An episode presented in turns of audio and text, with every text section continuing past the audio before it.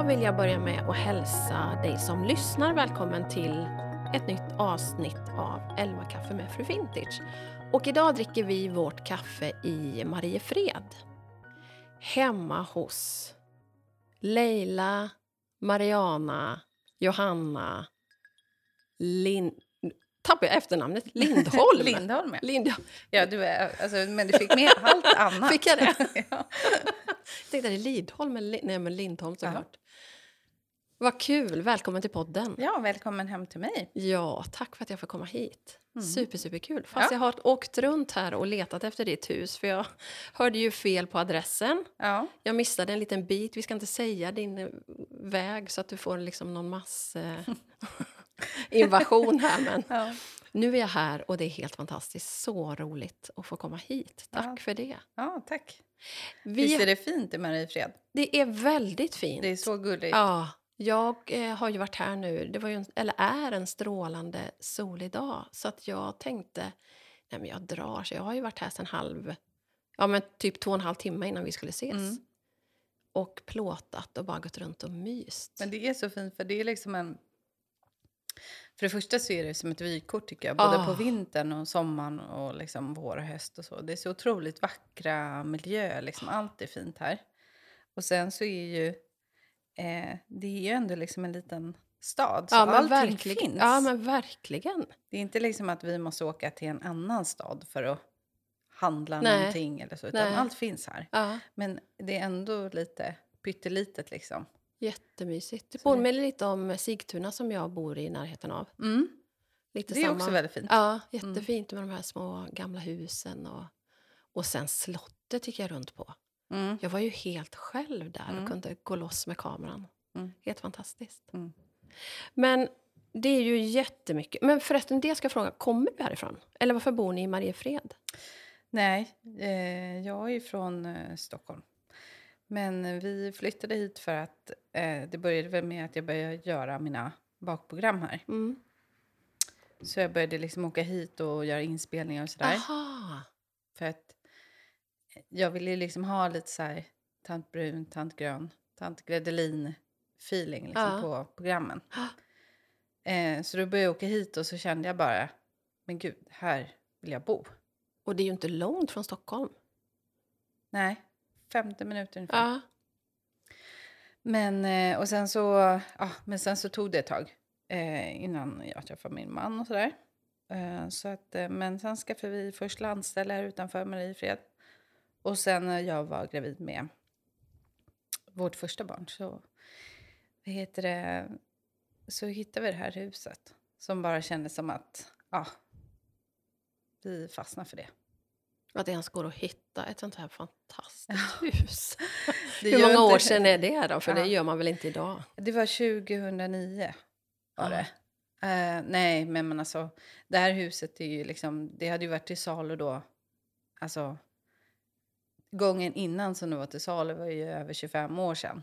Liksom innan. Så att Ah. den familjen som bodde här hade, liksom, deras barn hade vuxit upp i huset och sådär. Nej, men det här är väl inte ett hus som man säljer i första taget tror jag. Nej. Verkligen inte. Hur gammalt är det? Eh, det är från 1922.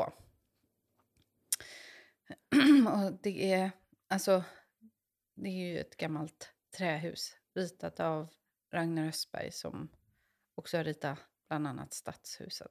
Jaha. Som är, och många fina liksom, byggnader och villor på Djurgården och i Saltsjöbaden och sådär. Ja, det kan jag tänka mig. Det påminner verkligen om en sån Saltsjöbadsvilla. Ja. Jättefint. Och Mariefred från början var också så här lite sommarnöje för alltså, för, eh, stockholmarna. Så de åkte ju båt hit och hade sina landställen här i början av 1900-talet. Ah, just det. Men nu är det mycket permanentboende. Ja. Ja. Och mycket Eh. båtar på sommaren kan jag tänka mig. ja, det är det. Det är ganska mycket. Ja. Men ehm, det är ju Mälaren, så det är inte Stockholms skärgård. Nej, Så nej. det är ändå inte liksom fullt lika mycket, men eh, absolut. Det lever ju, sen så går det ju en ång... Eh, en ång... Båt. Ångbåt, ja. Det heter, vad heter det egentligen? Det heter Så man kan åka... Ångbåtsfartyg heter det väl? Aha, så man kan åka Alltså, från typ- Stockholm? Ja, från Stadshuset går det hit. Ja, men just Som det. heter, heter MS Mariefred, tror jag. Ja, men just det. Jag är så livrädd att säga fel i båttermer för jag är så dålig på det. Men, som man inte säger, alltså det är ju det där med MS och det Ja, ska jag bara säga. precis. Det måste vara, Viktiga saker. Ja, det ska väl liksom... den annars- som har koll. Ja, precis. Annars blir det att man kallar det för segelbåt. Det Ja, kanske jag gjorde nu också, så jag vet. Nej, du sa fartyg. Ja. Jo, men det är det M snedstreck S. Ja, Ja, måste plugga lite. Nej, men eh, SS är väl då kanske Sailship. Ja, som sagt, du pratar med en som inte heller har Ja. någon koll. Ingen aning. Ja. Men du, det är ju jättemycket som jag vill prata med dig om. Men Mm. jag börjar som jag brukar. Hur har den här dagen börjat? Har du några här, liksom, typiska morgonrutiner som du alltid gör? Eh, nej, faktiskt inte. Jo, vi går ju, vi går ju upp. Alltså jag är ju morgonpigg så jag vaknar ju sjukt tidigt. Vad är Eh, sjukt men jag tidigt? går inte upp. eh, nej, men eh, fem. Typ. Ja, det är sjukt Ja, tidigt. fyra kanske ibland. Oj. Mm. Nej, och sen ibland så somnar jag om och sådär. Men jag, jag har jag vet inte, jag har blivit pensionär. Ja. Men visst blir det med åren, verkligen. Ja, det är faktiskt sjukt. Alltså... Nej. Och det, ja, och, men överhuvudtaget, jag har inte använt en väckarklocka på flera år. Alltså jag kommer inte ens ihåg när jag använde väckarklocka sist. Enda Nej. gången som jag ställer en väckarklocka är ju typ om jag ska ta någon morgonflyg eller så. Ja, just det. Men eh, annars har jag aldrig för att jag vaknar alltid innan. Och sen är det upp och barnen iväg till skolan. Ja, sen är det och... mer, ja precis, uppe och ungarna och nej, men, snacka med dem lite och jag försöker alltid, nej men, ha det lite mysigt liksom. På morgonen. Ja, Ja, men- Hur gamla är de? Eh, 9 och 12. Snicksnacka lite och gosa lite och sen så ska vi ju käka frukost. Sen börjar ju kaoset när man, tiden börjar rinna ut. Så iväg till skolan och sådär. Men den här dagen började väldigt bra tycker jag. För det är ju fantastiskt väder. Så Ja. att jag träffade upp en kompis och gick en lång promenad där på morgonen. Och sen har jag eh, vårstädat lite skafferiet. Dröm. Ja. Åh, vad skönt. Slängt ut saker från 1800-talet. Vetemjöl från 1800-talet. Ja, men så är det hemma hos mig också. Det skulle jag också behöva göra. Ja. Åh, vilken känsla. Ja, det är faktiskt väldigt skönt. Ja. Men alltså, det är helt sjukt vad mm, mycket grejer man samlar på sig. Eller hur? Jag försöker ändå hela tiden, jag är väldigt så inne på att rensa saker. Jag har alltid så olika rensningsprocesser, typ alltså källan kör vi, alltså typ förrådet, källan kör vi varje sommar. Och det känns ändå så sjukt hur mycket grejer man kan liksom egentligen göra sig av med. Ja. Men ändå så har det, är alltid, man funderar ju på var kommer allt ifrån? vem är det som tar in Ja. Precis. Men det är också väldigt, det, det där är ju väldigt mentalt eh, stärkande på något vis. Och, eh, åtminstone ja, men, bestämma sig för en grej. Den här lådan tar jag ett tag. Precis. Och så liksom, Och få göra en i taget. ja. Det känns väldigt skönt. För att jag, jag, man går ju liksom och ser det skiten. Så att, så att, det, så att det var väldigt bra. Egentligen skulle jag självklart gjort massor med andra viktiga saker. Men nu gjorde jag det här. Bra gjort. Ja. Och så fikar jag med dig. Nu, och så har du ju bakat helt fantastiska små konstverk. Ja, tack ska du ha. Små kycklingar och den här eh, dammsugaren med Ukrainas färger. Ja, precis. Alltså, här bakas det ju ganska mycket i veckorna beroende på vad jag håller på med. Men, men eh, här blev det lite eh, dammsugare. Jättefina. Ukraina support. Ja. Men du, gör du all bakning som du plåtar och så här hemma i ditt eget kök? Ja, det gör jag väl. Ja. Alltså, förr var alltså, jag har ju både spelat in tv-serier här och, och liksom sådär. Eh, men eh, förr var det ju inte så, kanske lika mycket. Då, ah, det har varit väl- väldigt olika. Hyrt in oss eh, på olika ställen och vi har varit i Frankrike och gjort bakprogram och sådär. Men jag tycker ju liksom att just när det gäller eh, när vi Nej, men provbaka recept och sånt. Det är ganska skönt att vara här för man Ja. hittar i köket Ja. och liksom, allt finns. Och man, det är liksom hela huset är ett rekvisitaförråd. Så man behöver inte liksom, det blir inte så mycket logistik Nej, för min del. skönt. Men eh, sen så är det inte någon eh, megaproduktion liksom med man gör inte hur mycket grejer som helst utan lite lagom mycket efter behov. Ja. Men du, du är ju hela Sveriges Leila. Jag gick ju som sagt vilse här i lilla Mariefred och hamnade helt fel. Och då var, var en herre där som jag frågade efter vägen. Och då sa han, menar du den Leila? Menar du, menar du Leila som bakar? Ja, så jag. Leila som bakar. Och det har liksom varit reaktionen när jag har berättat nu att jag ska podda med dig. Alltså är det den Leila? Mm. Så folk blir lite starstruck. Eh, och du är ju känd som sagt från en rad tv-program. Mm. Du har eh, skrivit eh, många böcker, du har jobbat på kända restauranger och största delen av din framgång har ju ändå handlat om mat och bakning. Och Mm. Jag läste någonstans att du läste till kock väldigt Mm. tidigt. Mm. Hur kom du in på den här banan liksom från början? Varför blev det just mat? Nej, men för mig var det så himla enkelt. För att när jag som typ tonåring förstod att man kunde jobba med mat så var det så givet att det var det jag ville göra. Så det har, inte, det har faktiskt inte varit någon, någon större fråga. Det var väl kanske någon så här typ när jag hade gått i restaurangskola i gymnasiet och skulle liksom ut och praktisera och så insåg att det var ganska hardcore att jobba på, på restaurang då. Då fick jag någon sån här lite eh, vad ska man säga, kalla fötter och tänkte att jag skulle kanske jobba med inredning istället. Jaha, men det har du Eh, gjort också. Ja, precis, men jag lyckades få in det ändå. Ja. Eh, men sen så löste det sig på något sätt. Så att då jobbade jag ett gäng år på restauranger. Mycket både liksom, egentligen ganska, jag, jag, jag ville få en ganska bred utbildning så jag är ganska klassisk skola. Liksom började hos Nils Emil Alin på Ulla Vinblad och eh, Stallmästargården och jobbade sådana klassiska Fjärilmans krog med Fredrik Eriksson och sådär. Och sen så åkte jag till USA, bodde där i två år. Jobbade på Akvavit. Um, ehm, så, jag- och på Akvavit var jag varmkök, men sen Levinblad Vinblad har bara, både varit eh, bakat och liksom jobbat restaurang, konditori, eh, kall, kallis eller kallskänk. Och jobbat varmkök och sen eh, Fjäderholmen jobbade kallköket. Så jag fick en liksom ganska eh, bred grund om man säger. Inom, för att annars kan det ju vara så att det kan också vara väldigt nischat. Liksom. Att Ja. de, eh, alltså, till och med inom så här, eh, konditorer, att de gör bara en viss sak. Alltså, de bakar inte bröd och bullar utan de, eh, vissa, på vissa ställen så gör man liksom bara bakverk. Eh, och så är det en bagare som liksom bakar just det. brödet. Ja, och så. Ja. Eller, eh, alltså så att det är väldigt... ehm, jag tycker, för mig så har ju alltid egentligen variationen varit så himla rolig. Att, att det liksom blir ombytligt.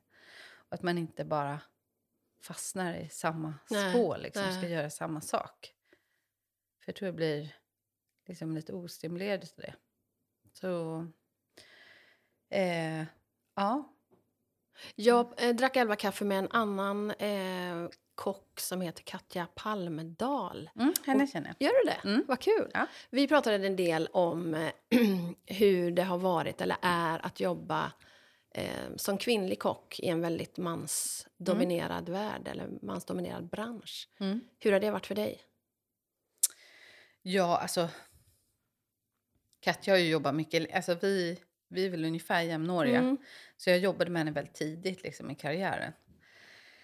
Eh, och lärde känna henne. Ja. Men eh, hon är ju från eh, Göteborg.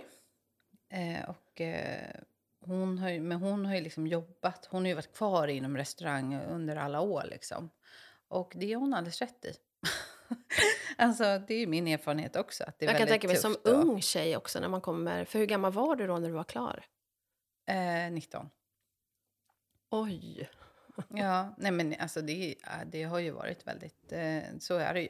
Det är ju väldigt, det är ju en ganska, nej men, tuff jargong i restaurangbranschen överlag. Ja. Inte bara liksom kök, matsal och sådär. Så är det väl också liksom lite, eh, och när, alltså på den tiden när jag gick ut restaurangskolan, då var det ju ganska, då var det ju verkligen old school liksom ganska mycket så här, tyska kockar och sådär fortfarande.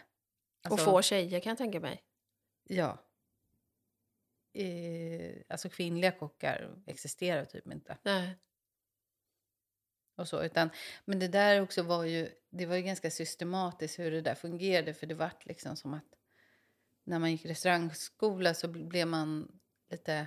Alla tjejer åkte liksom in i kallskänken medan killarna automatiskt åkte in i Ja, varmköket. det vet jag Katja sa också.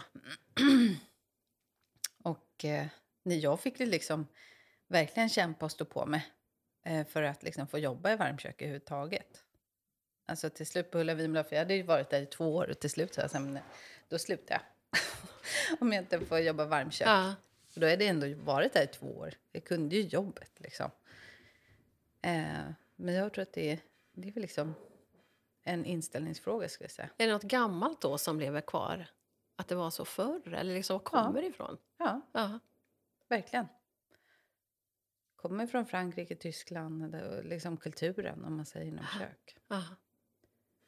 Men jag lämnade det där. Jag lämnade det så himla tidigt. Jag, menar, jag, jag slutade jobba på restaurang 99 så att jag har ju jobbat med andra saker sedan dess. Även om jag hela tiden jobbar med mat eh, på olika sätt. Liksom. Men det var länge sedan som... Så Katra är ju bättre kanske på... Ha koll Liksom. på branschen.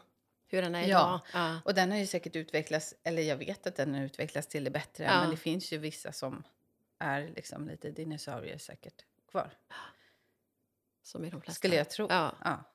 Men, men som du säger så har ju du gjort en massa saker. Bland annat har du ju en rad tv-program som Mm. vi ju har sett. Mm. Leilas mat och Leila bakar och Leilas jul.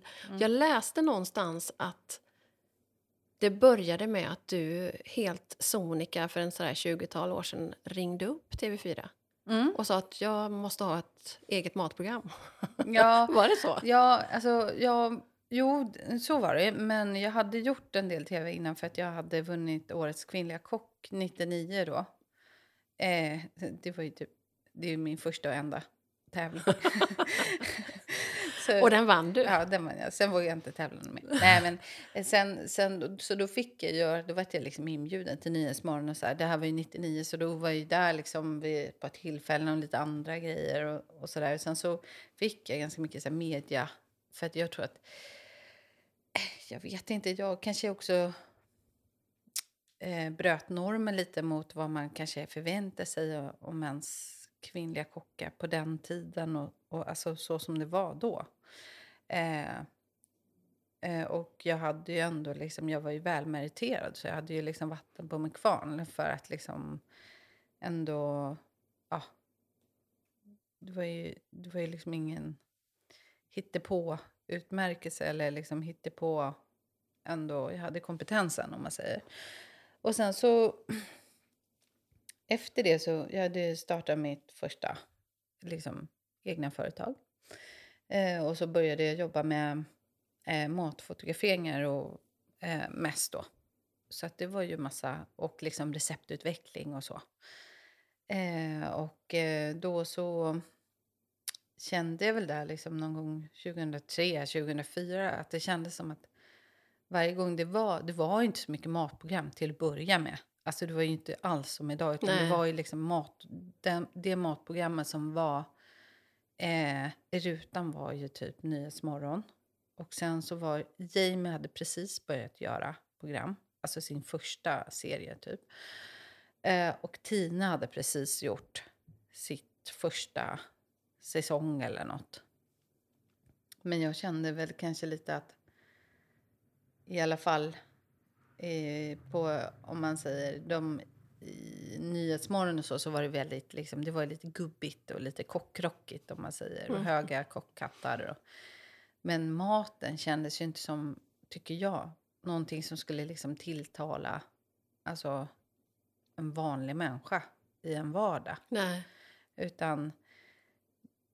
mm, Alltså det var ju ganska avancerade grejer liksom. Nej men beef bourguignon och så här. Men det är ju inte jättemånga. Nu har ju det... det var, och det kändes då som att det inte låg i tiden så mycket. Utan det var mer så här... Eh, alltså det är ju klassisk mat. Så det är, det är ju alltid aktuellt. Men det kändes lite som att det behövdes någonting som funkade för liksom den ensamstående Ja, det. tvåbarnsmamman Mm. liksom, som inte har möjlighet att liksom, göra en eh, fransk bouillabaisse med ingredienser från Östermalmshallen. Liksom.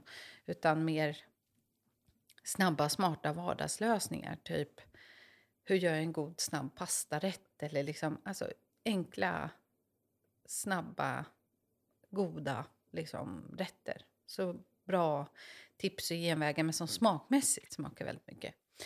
Så då så föreslog jag det för hon som var då chef över, eller liksom samordnade de här nyhetsmorgonkockarna.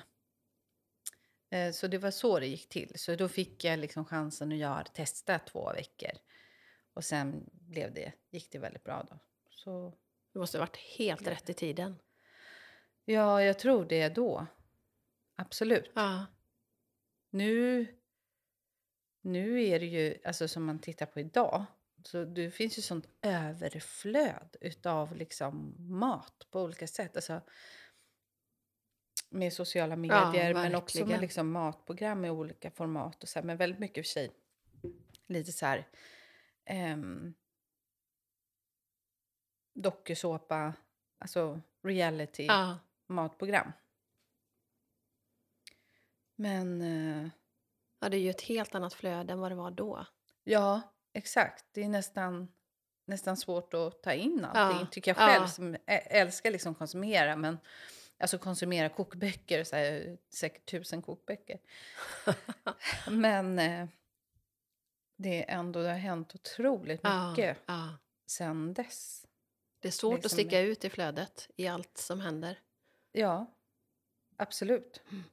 Nej, men jag tror inte att det, det, liksom, alltså, det finns ju säkert eh, allt väldigt mycket liksom om... Alltså framgång, det är ju liksom också väldigt mycket timing som du säger. Eh, skulle jag säga. Ja. Och ha en känsla också för att... ehm, alltså lite ett finger i luften och kan känna liksom att ja, det här behövs nu och så. Men vi, vi, det är ju väldigt, väldigt tydligt tycker jag att informationsflödet idag är ju så massivt. Så att, eh, och det var det ju inte då. Liksom. Nej. Det, fanns ju ändå, det var ju begränsat till liksom böcker och i princip tre tv-kanaler skulle jag säga. Mm. Nu är liksom alla streamingtjänster, ja, ja, alla sociala medieplattformar, alltså typ bara som Pinterest och liksom ja, TikTok och Instagram och liksom alltså det är ju sånt otroligt medieflöde. Det är ju Ja. det som är Så tillgängligt. Då var det ju dig vi tittade på. Ja, Hela Sverige. ja, ja, på den tiden. På den tiden. Ja, exakt.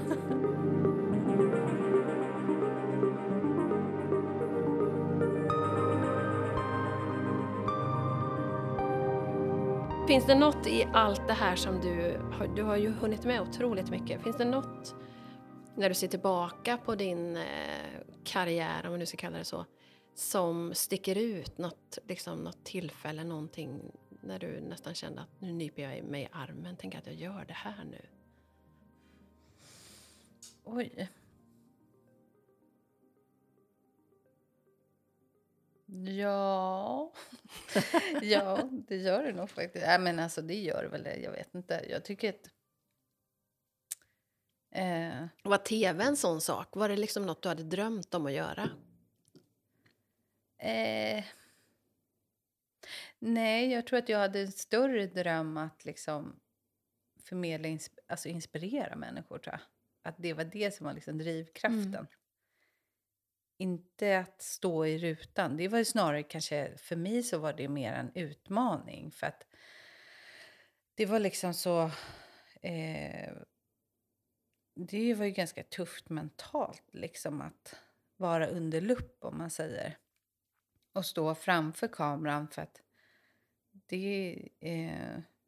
För de som liksom inte har gjort det eller gjort det. Jag tror att alla kan relatera för att eh, det är liksom väldigt, man känner sig väldigt avklädd. Ja, Och eh, det, det är liksom att hålla, att liksom vara grundad i sig själv och eh, kunna göra det där utan att eh, liksom må dåligt för att man känner sig pressad eller nervös eller så. här. Det var ju liksom, så att det var inte med, det var, det var, det fann, har liksom aldrig funnits en, jag har aldrig känt liksom att eh, jag har velat egentligen stå framför en kamera. Så här. Det har liksom blivit så lite grann, för mer för att det jag verkligen har velat är att göra böcker och program för att inspirera människor. Och det har ju verkligen också eh, varit otroligt tacksamt. Speciellt, jag menar, för att jag har fått så otroligt mycket tillbaks. Liksom att, att jag, ja men du vet, man möter människor som berättar om liksom, olika eh, historier som de anknyter liksom, till ett recept som de har gjort från mig. eller så. Mm. Som, och det, det känns ju ja, men helt fantastiskt. Då, då tycker jag jag känner verkligen att jag liksom vill nypa mig själv i... Alltså det känns overkligt när folk liksom berättar vilken betydelse jag har haft i deras liv. Det känns jättestort. Det förstår jag verkligen. Fantastiskt. För det... För det eh, alltså... Mer, mer, än så kan man nästan inte önska sig, tycker jag. Nej. Alltså... Eh, när man kan liksom påverka eller ge folk glädje. Är, du med, är det ofta människor som, som kommer fram om du går på stan eller om du liksom rör dig ute? Nej, inte lika mycket nu. Och det är ganska skönt faktiskt, för att jag har aldrig varit så himla bekväm med det där. Så det är klart att det, man blir glad och liksom folk... Men eh, vi är ju också inne i en väldigt så här ganska massiv selfie-era. Eh, och det där, liksom alltid när jag har gjort tv så, så har det varit väldigt mycket alltså, får jag ta en bild? Ja, just det. och det är mm. så här, det är inte alltid man... Alltså det är ju en grej när man går och ställer sig i ett offentligt sammanhang eller liksom typ är när jag är i mina butiker eller liksom eh, när, när man går ut och möter människor med på någon mässa eller whatever. Liksom. Men när man, du vet, bara går i träningskläder och ska köpa lite mjölk ja, och är rufsig i håret. Då känner man ju inte att man vill liksom att folk ska lägga ut det på Nej. sitt Instagram. så, att, så att det tycker jag är ganska, alltså på sätt och vis, alltså, och det ger mig ingenting egentligen så heller. Liksom, alltså, just den grejen tycker jag bara är jätteskönt att det är det mest hysteriska. För det blir också jättekonstigt med barnen och sådär. Ja, för det var, när de var yngre var det jättemycket så. Det kändes så här, det var svårt att för, liksom förklara för barnen vad, vad som pågick. Ja. För det blir så himla konstiga situationer som uppstår. Ja, men det tror jag det. Ja. Att, men äh, vad, vad är det som upptar din tid idag då? Ja, men nu, jag jobbar ju med min eh, Leila Channel Store. Och vi är ju jobbar ju idag väldigt digitalt. Vi har ju haft upp till sex butiker, men nu är det tre. Eh, eller fem butiker har varit. Eh, och vi har ju en butik i, i Mood i Stockholm då. Och sen så en här i Mariefreden, liten. Och i Strängnäs har vi våran, eh, vårat lager och eh, eh, även en lagerbutik kan man säga. Eh, och eh, det upptar ungefär 200 procent av mitt dygn. eh, det är ju väldigt, alltså... Eh, vi jobbar ju som... Alltså, eh, e-handel, e-handeln är ju det största idag för oss.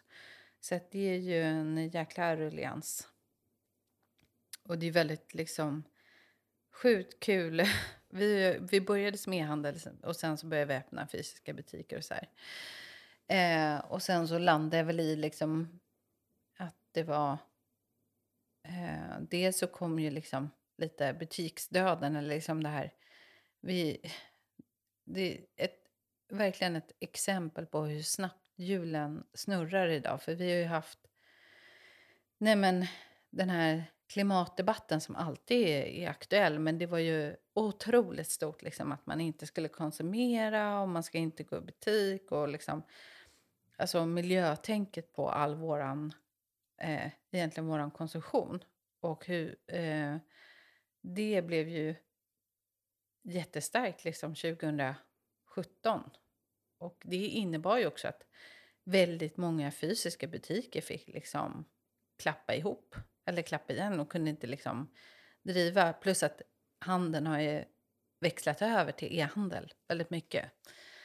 Eh, Och sen kom ju liksom pandemin Ja, och det har ju påverkat också otroligt mycket. Och nu är vi inne i, i liksom ett krig som vi inte vet var det kommer ta vägen. Det är liksom... Så, alltså, media, världen, allt som händer liksom på vår planet påverkar ju hela tiden. Och det gör det ju också väldigt utmanande när man, för, egentligen för alla företagare, att, eh, gissar jag. Liksom. För att eh, man måste vara väldigt flexibel, snabbfotad, anpassa sig efter liksom det som råder just nu. Och eh, alltså de senaste årens utveckling har ju också verkligen visat på att det liksom går, kan gå väldigt fort. Liksom. Eh, Märkte ni under pandemin att det ökade med e-handel? ja. Men vi hade haft, eh, vi hade liksom gjort en omorganisering eller liksom strukturerat om vår verksamhet lite precis innan. Och börja liksom gått ifrån, vi hade bestämt, nej men nu, nu ska vi fokusera mer digitalt. Så vi hade verkligen krattat manegen och liksom gjort allting innan. Så vi stod inte där med massa butiker och jättemycket personal och liksom utan vi var liksom, vi var redan igång. Så när pandemin kom så var vi, ja, som sagt var, vi har ju haft e-handeln hela tiden under tio års tid. Men vi var ju verkligen eh, eh, ändå, vad ska man säga, beredd, alltså fokuserad på att jobba digitalt. Sen har ju det självklart påverkat otroligt mycket. Så att vi har ju eh, Eh, det blev ju liksom eh, mycket mer än vad vi någonsin hade kunnat föreställa oss. Av flera skäl liksom. Mm. Men eh, pandemin har ju absolut påverkat. Men sen är det en massa andra åtgärder som vi gjorde som också har liksom absolut bidragit till liksom att... Eh, så nu, idag är liksom huvud, eh, ja, liksom, den huvudsakliga verksamheten är ju e-handeln. Så att, eh, och det är ju jättemycket med det. Ja. Alltså driva den typen av verksamhet med allt vad det innebar. Liksom. Ehm, Tror jag det. Men jag tänker, efter alla dessa år, du har ju jobbat eh, varit väldigt, väldigt liksom, framgångsrik under många, många år. Vad är det som fortsätter att driva dig? ehm, ja, men alltså... Man vill ju ha bacon på bordet. Nej, jag skojar bara. Nej, men alltså... Nej, men jag tror liksom, jag kommer ju alltid, alltså som... Jag kommer ju alltid göra saker, oavsett om man säger, för att det ligger i min natur och jag tycker att det är roligt liksom att... ehm, att ha en vision och förverkliga den. Men eh, det är ju klart att min, min vardag liksom blir också en, en vardag. Alltså, och mitt jobb blir ju också en vardag. Och Mm. liksom, ehm, men eh, jag tror att utvecklingen, alltså se, se någonting växa. Och en utveckling är ju alltid en driv, alltså en drivkraft. Men som alltså med... Eh, det har ju verkligen inte bara varit en liksom enkel... Räkmacka? det har ju verkligen inte varit en räkmacka. Nej. utan herregud vad man har fått eh, bita i trä många gånger. Och liksom bara kämpa på. Och det är ju så, liksom, jag tror att driver man en egen verksamhet för de flesta. Alltså, man, man lever ju och andas det dygnet runt. Det är ju liksom allt man... Det är ju ens... Det är inte bara ens bebis på något vis. Det är ju liksom ens levebröd. Det är ju det som också är hela ens... Alltså som ens familj lever på. Inte bara min familj utan flera andra familjer. Liksom med mina kollegor som Mm. Alltså det är ju jättemånga som... Eh, men jag tror drivkraften är ju i, i, i utvecklingen och att det blir att det är roligt liksom. Och att skapa någonting återigen som inspirerar och ger människor glädje fast på, på ett annat sätt liksom. Än vad liksom böcker och program gör. Ja. Så att för mig så har det bara, jag liksom bara... ehm, jag känner mig, jag gjorde min senaste tv-serie 2017. Och då, efter det så har jag nog bara känt att jag inte... Nej men att jag behövde ta en paus liksom från att göra tv. Saknar du det? Eh, nej. Nej. nej, det gör jag inte. Eh, nej, alltså grejen är att det är ju kul att göra tv, alltså på sätt och vis. Och det som är det roligaste, det, det är ju liksom mottagarna och de som man gör tv för. Det är det som är liksom roligast, att liksom filma och så. Det är ju inte liksom... Det är ju ganska jobbigt Ja. om jag ska vara ärlig. Ja. Alltså det är ju så här, det som man tänker på som tittare, det är ju liksom, vi måste göra, jag måste ju liksom göra om så många moment. Det kan ju vara till exempel, du vet jag var ute och filmade När i fjärran, det var i och för sig väldigt kul. Men då var det så här, du vet, det är så här sjukt långa dagar. Vi, kanske ska säga, vi, vi ska vara på Arlanda klockan fyra på morgonen, sen ska man jobba liksom till tolv på natten eller ett på natten. Så att, för att man filmar ju liksom hela tiden under hela dagen. Ja, nu ska, vi, ja, nu ska vi filma när vi går på planet. Sen ska vi filma när vi, gör, när vi landar. Och sen ska vi filma när, när vi åker till hotellet. Och så, så håller bara pågår det där. Men då är det så här, du vet om du ska gå in genom en dörr så ska först kameramannen filma när du går fram till dörren och går in genom dörren. Sen ska han förflytta sig till insidan av dörren. Ska du göra det igen? Så allting är så jäkla omständigt med att göra tv. Om man inte gör typ reality-tv där bara saker händer och det är massa kameramän överallt. Och, alltså, så att det är ganska, Mycket mer än det vi ser. ja. Mm. Så att det, är ju, det är ju tufft att göra det. Om man säger. Men det är ju också, det är som precis alla jobb. Mm. Det är ett jobb. Ja. Alltså till Det slut blir blir ju så det så. Det Ja, är ett visst. jobb. ja. Så det är inte liksom... Eh, sen tror jag alla vill väl jobba med någonting där man känner att man gör, gör någonting bra. Eller att man eh, tillför någonting för världen eller för sin omgivning. Eller...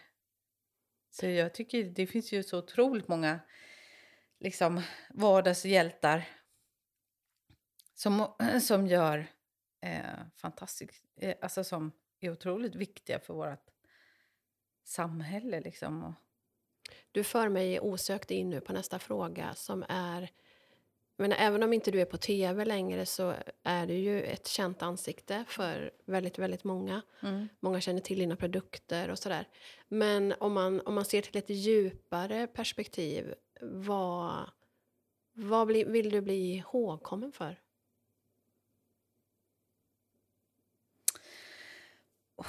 Gud, vad svårt. Är det viktigt att bli... Jag trodde bara var Putin som tyckte... Är det viktigt att bli ihågkommen? Jag vet inte. Äh, nej, men alltså, det känns inte jätteviktigt för mig faktiskt. Alltså, jag, har ingen, jag är ganska prestigelös. Det är inte viktigt för mig liksom, att... Eh, en del kommer kanske komma ihåg eh, liksom, eh, mig. Eller så inte. Jag har ingen aning. Och det känns inte... Alltså jag tror... Jag vill att min, mina barn ska liksom minnas mig som en härlig, inspirerande människa. Liksom generös, kärleksfull, eh, eh, rolig, lite spontan och galig, galen. Eh, och eh, ja, men också inspirerande och en bra förebild. Liksom, att man har hjärtat på rätt ställe och hjälper också andra människor. Och, nej men så att, och visar också kanske att man, eh, att man kan göra lite vad man vill av sitt liv. Att det går att forma och att man kan... Alltså, bara för att man gör en sak ena perioden av sitt liv så behöver man inte göra det liksom resten av sitt liv utan det kan utveckla sig till något helt annat Mm. och sådär. Mm. Så att eh, jag tror att eh, det är väl det liksom, som är viktigast för mig, vad de har. Och sen, ja, men självklart vänner och familj och sådär. Men jag tror att om det är nå någon, någonting som känns viktigt så är det deras relation med mig liksom. Mm. Sen, sen är det, betyder det inte så mycket egentligen. eh, alltså vad folk, alltså det är ju inte... eh, Du förväntar dig inte någon staty här i Mariefred? nej, nej, inte, inte direkt. Men, sen- vad, vad är viktigast, tycker du, eller viktigt att, att skicka med barnen ut i livet? Eh, nej, men alltså...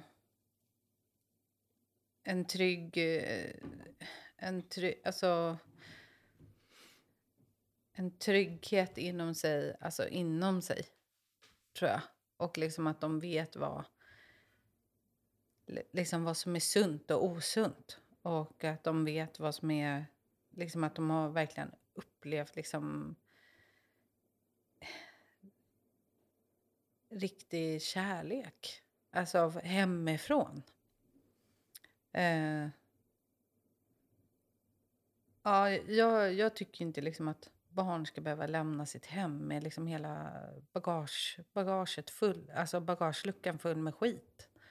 Det känns ju helt orimligt. Alltså, så att, eh, det tycker jag är viktigast.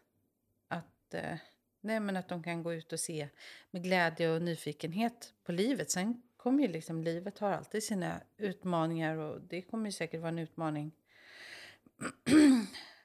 när man själv liksom viker, viker hädan så att säga. Så att, eh, men eh, man vill ju verkligen att de ska minnas en som liksom en härlig människa. Det tror jag är viktigast för mig. Jag snappade upp, på tal om barn, eh, någonstans, jag vet inte var jag läste det, att du eh, när du var dryga 20 kontaktade din egen biologiska pappa, Mm. marockansk, eller Mm. hur? Mm. Hur var det efter alla år? För du har inte vuxit upp med honom om jag har förstått rätt. Ja, precis. Alltså, det är ju så lång historia. Jag har ju sommarpratat och då pratar jag om det. Annars så tycker jag inte... Alltså, jag brukar inte prata så mycket om det bara för att eh, nummer ett, han bor i Sverige. Eh, men framför allt så känner jag att eh, nej, men jag är ju liksom klar att prata med dig. Det var ju liksom en del i min personliga utveckling som var väldigt viktig för mig då. Eh, och det finns egentligen inga hemligheter. Men eh, det var ju naturligtvis en jättetuff utmaning. Alltså det var ju oerhört läskigt ska jag säga. Eh, av den enkla anledningen att jag visste ingenting om honom. Så jag visste, inte, visste knappt om han liksom var vid liv faktiskt. Så det var ju liksom känslomässigt en berg dalbana. Hur förändrade det dig som person? Gjorde det det? Eh, nej, inte så mycket som person kanske, men jag tror att jag, ehm, jag fick mycket svar om mig själv. Saker som jag funderar på, liksom sidor som jag kan se att jag kan, de kanske inte kom direkt från min mamma eller liksom Alltså vissa egenskaper och så som, jag, som jag har, som jag inte upplever att hon har. Och, men också eh, så fick jag liksom en kontakt med mitt ursprung som liksom jag inte hade haft, alltså mitt biologiska ursprung som jag inte hade haft tidigare. Så det tycker jag väl... Eh, det är ju svårt liksom att bygga ett hus utan grund om man säger. Mm.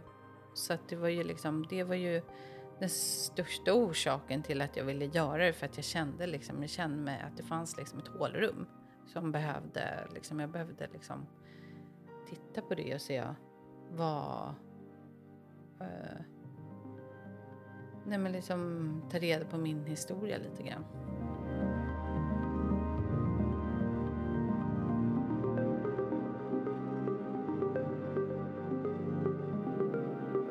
Tufft att vara förälder. Jag tänker eh, i de här tiderna, vi var inne på innan vi satte på mickarna om läget som är nu med, med Ukraina och kriget som Mm. pågår. Och pratar barnen någonting om det? Ja, massor. massor. Och, och, men eh, också förvånansvärt lite. alltså, för det är ju så jävla konstig situation. Men jag tycker, tycker lite synd om de här barnen också. Våra pandemibarn. Liksom. Ja, precis. Som, alltså, det är ju, allting är så onormalt. Alltså, det är så extremt konstigt. Alltså, som vi aldrig behövde uppleva under vår uppväxt. Eller liksom, så är det ju så sjukt märkligt. Och det vansinne som pågår nu, det har man ju knappt ord för. Man vet inte liksom... Det är ju så... Nej men, fruktansvärt verkligen. Och just den här balansgången som vi pratade om. Alltså, jag kan tänka mig att det blir tydligt för dig också. När man ska lägga ut eh, härliga bakverk och Mm. liksom... Ja, men jag står ju mer för inspiration och, och liksom... Alltså nu kan jag säga här, det är ganska, jag är inte politisk liksom så. Och det är ganska sällan som jag liksom uttrycker åsikter eller så. Men det här är ju svårt att inte uttrycka en åsikt om för det är ju, det är ju för jävligt. Men det är ju framför allt så himla eh, hemskt för att liksom... Eh, ja, men man tänker på alla de här äh, barnfamiljerna som eh, nej, flyr hals över Ja. huvud. Och liksom på det sättet som det går till, men också eh, hur de splittrar familjer. Och man tänker på liksom, kanske barn som kommer bort ifrån sina familjer. Alltså det är så sjukt. Och alla de här unga människorna som eh, även Ryssland bara skickar rätt in i, som kanonmat. Liksom. Det är ju helt sjukt. Det är fruktansvärt. Ja. Så att... Eh, men det är ju jättesvårt. Man försöker att liksom inte... Man, jag vill ju... Eh, jag tror att jag vill inte liksom att eh,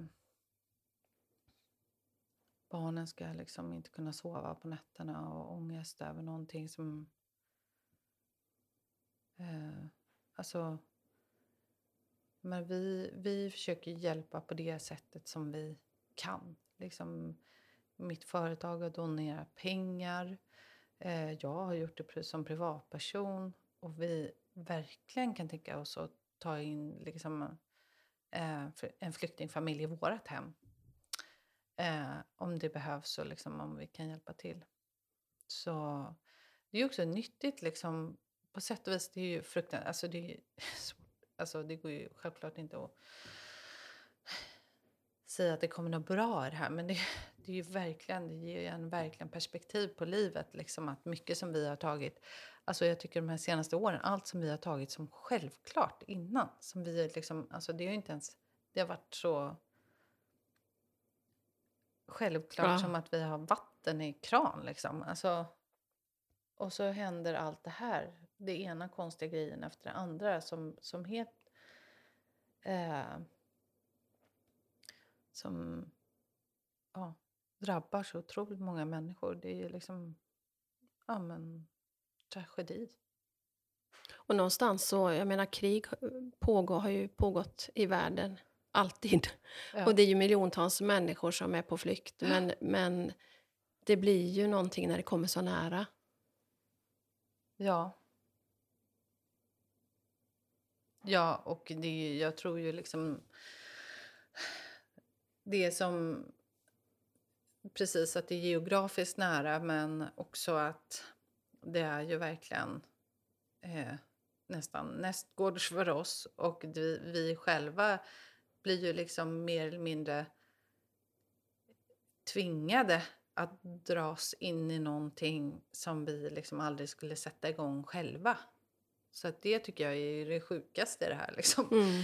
Att liksom, alltså, det är ju en riktig rävsax för alla europeiska länder. Att, eh, jag menar, om vi inte... Nu är det så självklart med sanktioner och sådär, men liksom, alltså, det finns ju vi, vi, det, det blir ju en otroligt svår situation som inte hade behövt... För jag menar, vad är det de bråkar om? Ja. Alltså, hade jag aldrig behövt vara där. Men åter till det du pratar om med liksom Instagram och liksom hela Facebook och liksom när man också jobbar med inspiration kanske, precis som, precis som du. Att liksom, ja, i det, i det här sammanhanget så är det ju kanske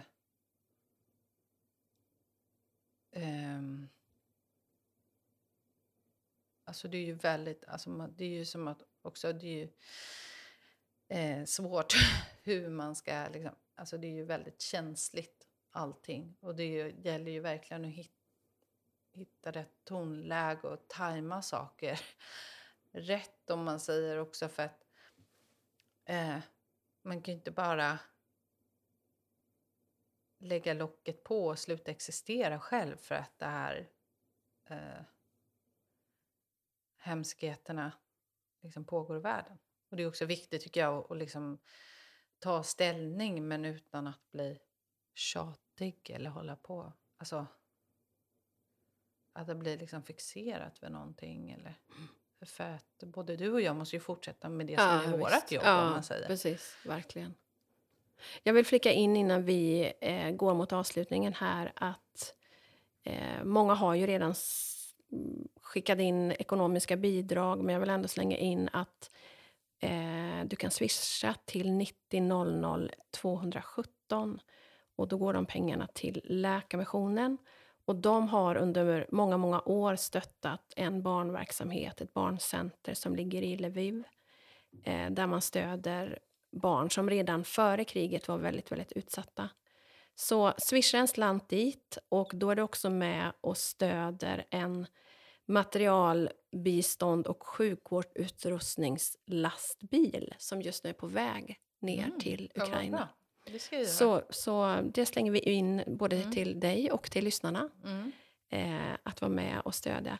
Jag tänker, Leila, du var inne, vi ska alldeles strax avsluta, men du var inne på förut, vilket ju alla fattar att det är, även om det ser väldigt framgångsrikt ut och är det, så är det ju inte livet någon räkmacka för någon. Nej. Och jag tänker eh, om det är unga kvinnliga entreprenörer som, som lyssnar nu, Mm. vad har du för råd? Har du något liksom sådär att skicka med som har hjälpt dig? Ja. Nej, men jag tror så här att... Eh, eller tycker så här att liksom... Dröm. Och go for it. Liksom. Alltså, jag kan känna att... Liksom... Nobody puts baby in a corner är ganska bra. Alltså, jag, jag tycker ju att alla om någon liksom... Jag tycker man ska, man ska vara... Oj. Man ska vara liksom nykter och rationell i sina beslut i livet. Men man måste ha drömmar och visioner. Och man måste... Men herregud, vad har man att förlora?